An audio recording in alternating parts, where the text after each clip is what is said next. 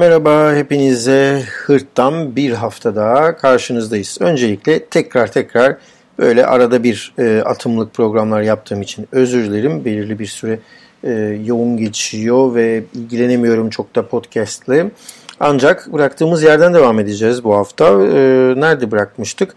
Rafi'de bırakmıştık. Rafi e, Tiflisli bir Ermeni yazardı. Ermeni e, roman ve tarih yazımı üzerindeki belki de e, son yüzyılın en önemli e, yazarlarından biri, edebi edebiyatçılarından biri e, olarak görünüyordu, görülür demiştik.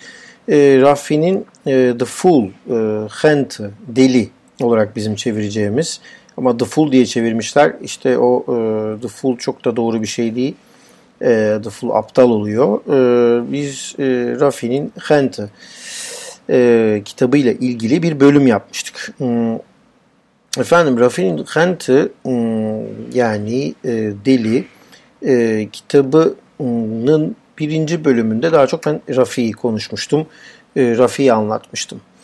E, şimdi artık birazcık böyle Rafi Hent'ı e, episod 2'de diyelim bölüm 2'de e, biraz romana girmek istiyorum. Çok bölümlü bir roman. E, zannedersem 9, 10, 11 falan bölümü var. E, keşke Türkçe olsa okusanız. Umarım Aras Yayıncılık ya da yayın evlerinden biri zamanı gelince bu romanı tercüme ederler ama e, Türkçesiyle ilgili belki de çok fazla sorun çıkaracak. Hatta belki yasaklanabilecek bir roman e, diyelim. Rafi'nin Hente romanında e, aslında şuradan başlıyor. E, 1877-1878 e, Rus-Türk Savaşı'ndan e, başlıyor e, ve buradaki e, olayları anlatıyor. E, Osmanlı'nın Beyazıt, Alaşkert ve Varşabat'taki e, Osmanlı-Rus Savaşı, pardon Türk-Rus Savaşı demiyorum değil mi? Türkiye yok daha orada ama Osmanlı var şey. Osmanlı-Rus Savaşı'nda Beyazıt, Alaşkert ve Varşabat bölgelerindeki savaştan bahsediyor.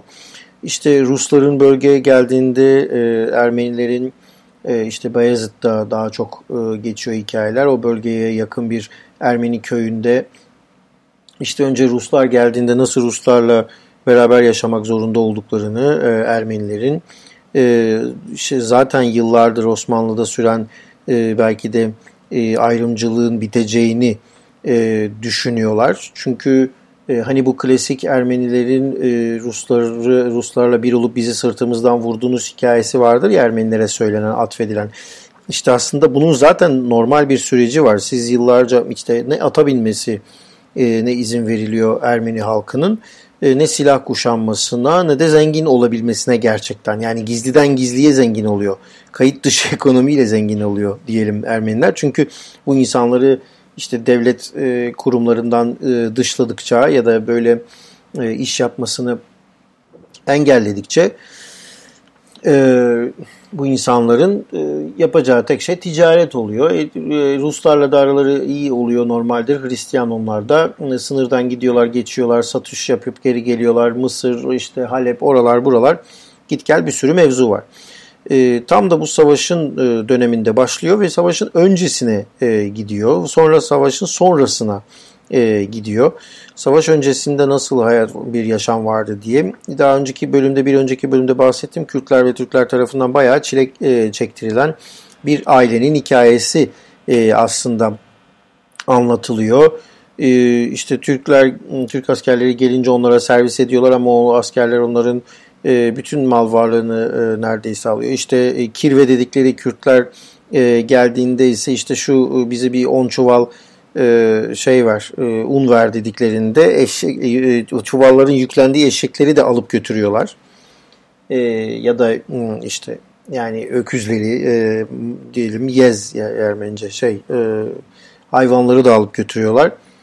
E, dolayısıyla belirli bir ne derler bu mafyatik bir ilişkiler zinciri. O döneme göre tabii ki Ermenilerin silahlanmasını hmm, düşünen, isteyen Rusya'da yaşayan Ermeniler de var. E, Vartan da bunlardan biri e, ana karakterlerden deli denen kişi kendisi zaten ama deli değil aslında. Yani orada burada e, deli numarası yaparak hayatta kalabilmiş bir insan.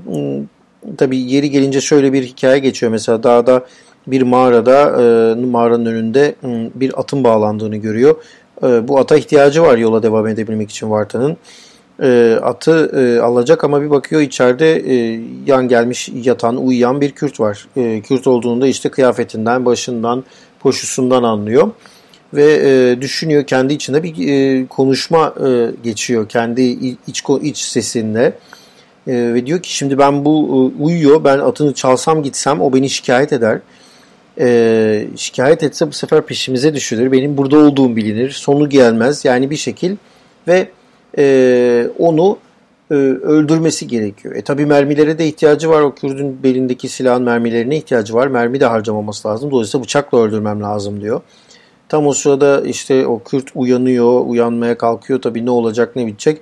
En de sonunda öldürüyor Kürt'ü ve yoluna onun atıyla, onun giysileriyle, onun e, çarıklarıyla devam ediyor. Hmm, ve öyle kurtuluyor deli numarası e, yaparak birçok yerden.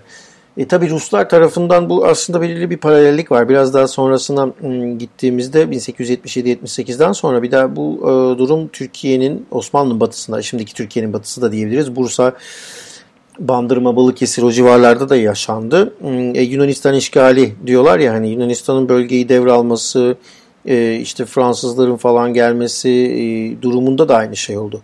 E, benim aile hikayemden bana anlatılanlar şunlardır ki bizimkiler terziymiş mesela e, Bursa'da. E, yani Osmanlı askerine pantolon dikiyorlarmış. E, Osmanlı askeri kalkıp gidince yani oradan çekilince sizi tek başınıza bırakıyor orada yani savaş kaybetti gitti gibi. Ee, Yunan askeri gelince ne yapsınlar? Bu sefer Yunan askerleri bakmışlar ki bunlar terzi işimize yarar. Bu sefer demişler ki bizim askere pantolon dik. E, onun askerlerine pantolon dikmeye başlamışlar ve öyle yaşayabilmişler hmm, Yunan boyunduruluğu altında diyelim. E, e, tabii sonra ne oldu? Yunanlar da geri çekildi. Tekrar Osmanlı geldi. Bu sefer de vay kardeş siz Yunanlara nasıl pantolon dikersiniz diye e, bakmışlar yaşayamayacaklar. Oradan vapurla Mudanya'dan kaçmışlar. Bir kısmı Yunanistan'a gitmiş, bir kısmı İstanbul'a göç etmiş. E şimdi aynı şeyi Osmanlı-Rus Savaşı zamanında da düşünmek lazım. Ruslar geliyor. E, e tabi daha özgür bir durum var. Silahlanmalarına izin veriyorlar Ermenilerin. Hristiyanlar tabi bunlar sadece Ermenileri sevdiğinden değil. E, Ermenileri e, de e, Osmanlı'ya karşı kullanabileceklerini de düşünüyorlar. E, ama Ermeniler de aptal değil, kullanılma değil sadece özgürlük de var işin içerisinde. E, Osmanlı içerisinde yaşadıkları durumda bir özgürlük yok. E, nihayetinde özgür yaşamdan bahsetmeleri çok da mümkün e, değil. E, dolayısıyla e, ne oluyor? E, Osmanlı ile Rus Savaşı'nda iki tarafta Ermenileri kullanılabilecek bir yem gibi görüyor.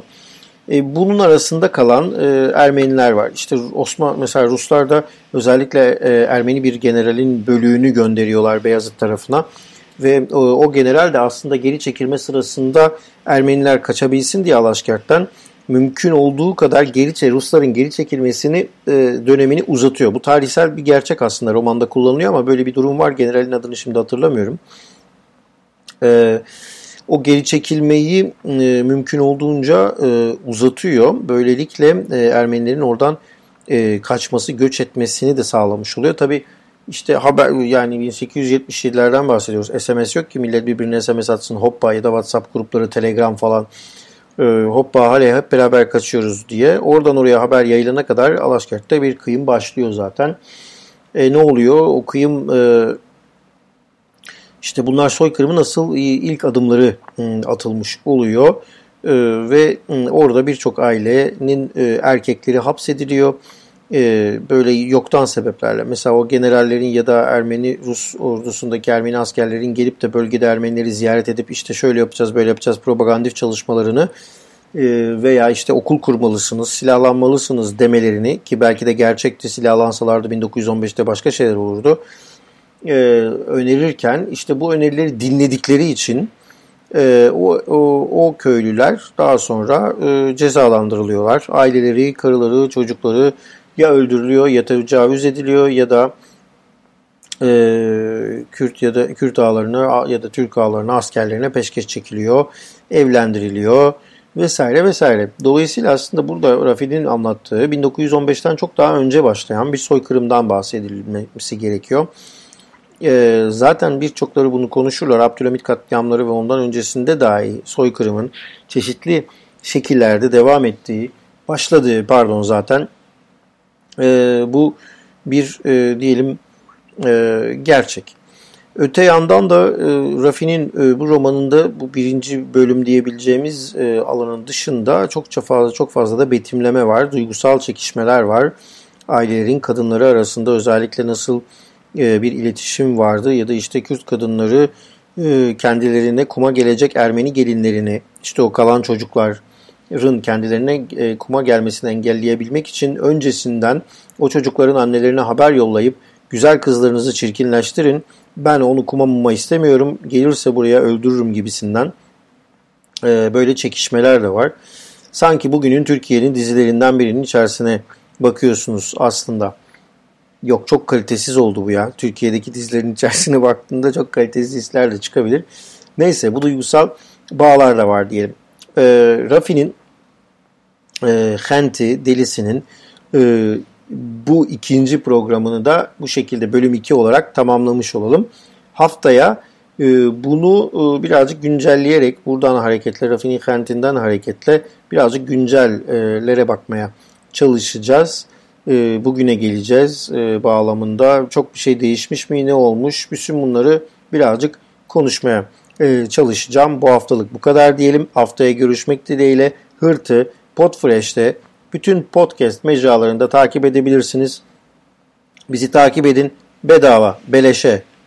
her gün her hafta postanıza ya da yüklediğimde ben yaptığımda e, ne kullanıyorsanız Spotify podcast programı ne kullanıyorsanız telefonunuza ya da bilgisayarınıza insin diyelim. Görüşmek üzere.